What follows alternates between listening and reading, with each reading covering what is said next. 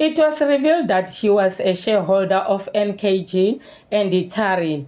Both companies were conducting business with Eskom. This was discovered on the declaration forms and tender documents submitted by NKG and Itari funding to Eskom.